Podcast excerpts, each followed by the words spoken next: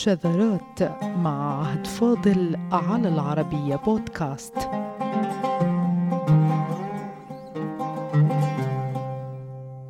في ثنايا قصة اللغة العربية قصص حزينة. أبطالها أعراب رواة فصحاء أخذ عنهم المشهورون.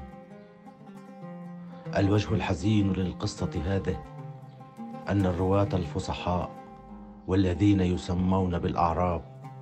الأعراب الرواة أو الرواة الأعراب ذهبوا في كتب العربية أجزاء متناثرة فلا يعرف تاريخ ميلاد غالبيتهم أو وفاته. بل لا يعرف له اسم موحد تتفق عليه المصادر وبعضهم أشير إليه بأربعة أسماء وأكثر. وهكذا حتى أصبح الأعراب الفصحاء جنودا مجهولين في بطون الكتب بعدما كانوا الواسطة بين لسان البادية الفصيح وعلماء اللغة المشهورين كالفراهيدي وثعلب والمبرد وسيبويه وآخرين.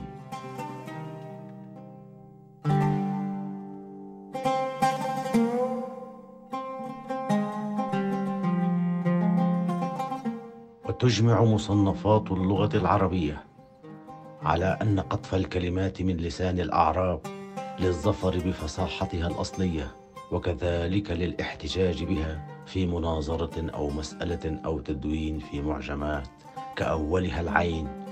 كان ديدن واضعي العربية الأوائل فيما تؤكد المعلومات أن سماع كلمات الأعراب للظفر بفصاحتها الكامنة. على ذلك اللسان الذي حفظت الصحراء نقاوته الأولى استمر حتى القرن الخامس للهجرة.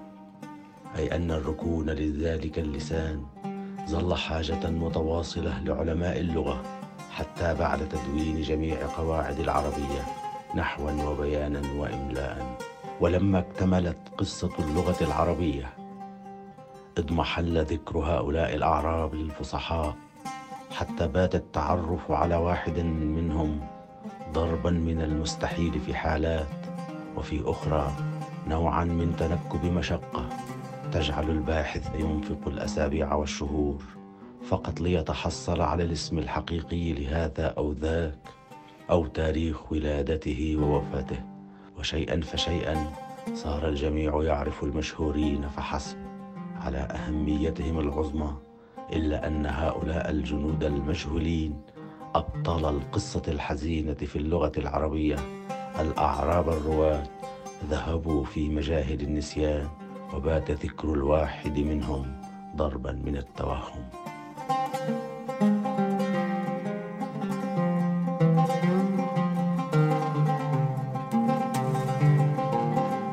هم فقدوا أسماءهم وملامحهم الشخصية في الغالب إلا أن آثارهم تتوزع كتب اللغة وتعزى إليهم كلمات وأفعال واستخدامات وأشعار وروايات. لكن عندما تقع العين على أبي مسحل الأعرابي مثلا وهو عبد الوهاب بن حريش وهو من الأعراب الفصحاء الرواة فستجد أن له اسما آخر هو أحمد. ثم ستجد من يقول إن حريشا لقب. لا اسم لكن هل انتهت القصة الحزينة هنا؟ وأيضا مثلا ستجد أبا مسحل أنه مسجل أيضا باسم الحجاج وباسم أبي عبد الله وأبي محمد كذا ذاب وتعددت أسماؤه وأصبح الشخص الواحد أشخاصا والاسم أسماء وكأن الكلام عنه توهم وهو العالم بالإعراب أيضا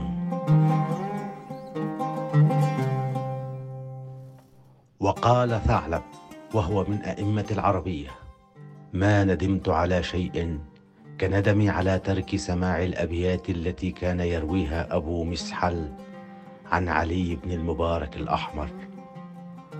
وتقع العين على أعرابي فصيح آخر نقل عنه أئمة اللغة وهو أبو البيداء الرياحي واسمه أسعد.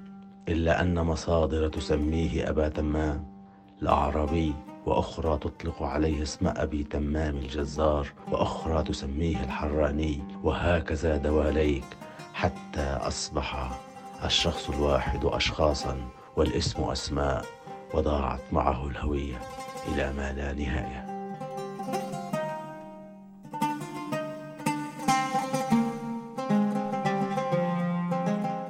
أعرابي فصيح آخر. مشهور بل إنه كان من لبنات وضع معجم العين أول معجمات العربية وهو المعروف بأبي الدقيش أخذ عنه الفراهيدي وأشار إليه ويعرف أبو الدقيش بالقناني من قنان جبل في نجد أو لبني قنان بحسب مصادر. فهل يعقل أن أبا الدقيش الذي سمع منه الخليل في معجمه أن لا يكون عارفا معنى اسمه. فقد أورد الفراهيدي في العين أنه سأله ما هو الدقش والدقيش وينقل عنه قوله لا أدري هل يعقل أن هذا الأعرابي الفصيح الذي كان من مصادر العين أول معجمات العربية لا يعرف معنى اسمه؟ فيما الدقيش تصغير طائر هو الدقش وهو معروف عند العرب بحسب بعض مصادر أئمة اللغة العربية كابن دريد.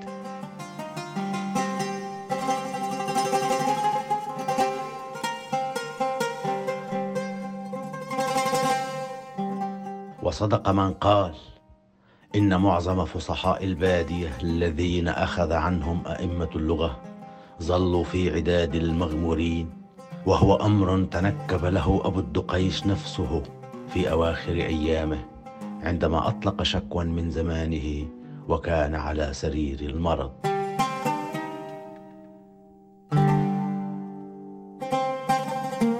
ومن المجهولين من الأعراب الرواة الفصحاء أبو الصقر العدوي وطال الاختلاف اسمه هو الآخر فيشار إليه بأبي الصعق.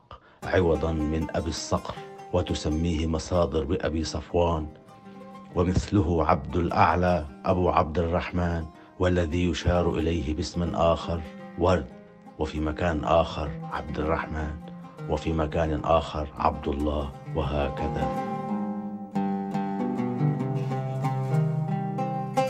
ومن الأعراب الفصحاء إلى الأعرابيات الفصيحات. فقد كن مغمورات كالرجال كأم الهيثم التي وصلت لمكانة رفيعة حتى سأل عنها معمر بن المثنى.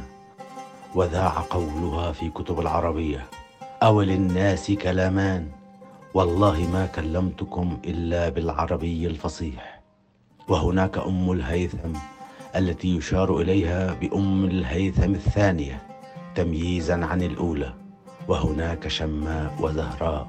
إلى آخر السلسلة من أبطال القصة الحزينة في تاريخ تدوين العربية. فأم الهيثم الكلابية هي نفسها أم الحمارس البكرية وهي نفسها عتبة.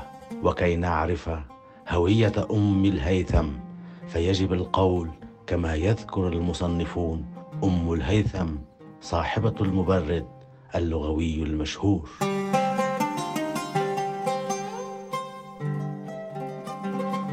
هذه ملامح الحزن في تلك القصة. ملامح شخصية اختفت واضمحلت في مجاهل النسيان. إلا أن الوجه المشرق الممتلئ غبطة لأولئك أن ما حفظوه على ألسنتهم دخل في المعجمات وكتب التراجم وعلم اللغة. يقول عبد الوهاب بن حريش جئتك بعد هدء من الليل وهدوء وهزيع وجنح ووهن كل ذلك بمعنى الساعة. يقول يقال أضاع فلان ماله وضيعه وأذاعه واسافه كل ذلك بمعنى واحد. ويقول في المال شعرا المال ما أمسكته فليس لك وكل ما أنفقته فالمال لك. وقال في أواخر أيامه يتحسر على العمر الذي مضى. ألا ليس من هذا المشيب طبيب؟ وليس شباب بان عنك يؤوب؟ لعمري لقد بان الشباب وإنني عليه لمحزون الفؤاد كئيب. وليس على باك الشباب ملامة ولو أنه شقت عليه جيوب.